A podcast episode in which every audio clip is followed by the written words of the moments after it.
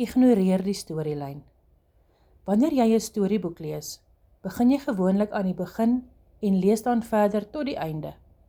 Dit is glad nie lekker as iemand wat reeds die boek gelees het, vir jou vertel wat vooruit gaan gebeur nie. Veral nie die einde nie.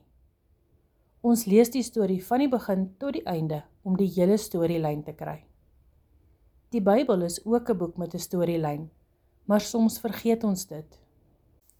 Ons lees uit verskillende boeke en op verskillende plekke wat verhoed dat die Bybel se tydlyn vloei of dat ons van die verhale en getuienisse mis. Die woord van God vertel 'n wonderlike verhaal wat 'n begin en 'n slot het. Dit is die merkwaardige verhaal van verlossing. Ons leer ongelooflik baie uit die verskillende boeke, hoofstukke en verse. Maar weet jy hoe hulle almal byeenkom om die storielyn te voltooi? As jy dit nog nie voorheen gedoen het nie, lees gerus die Bybel van Genesis tot Openbaring. Jy sal so die groter prentjie sien van God se plan vir verlossing. Seëngroete, Revive Heart Suid-Afrika.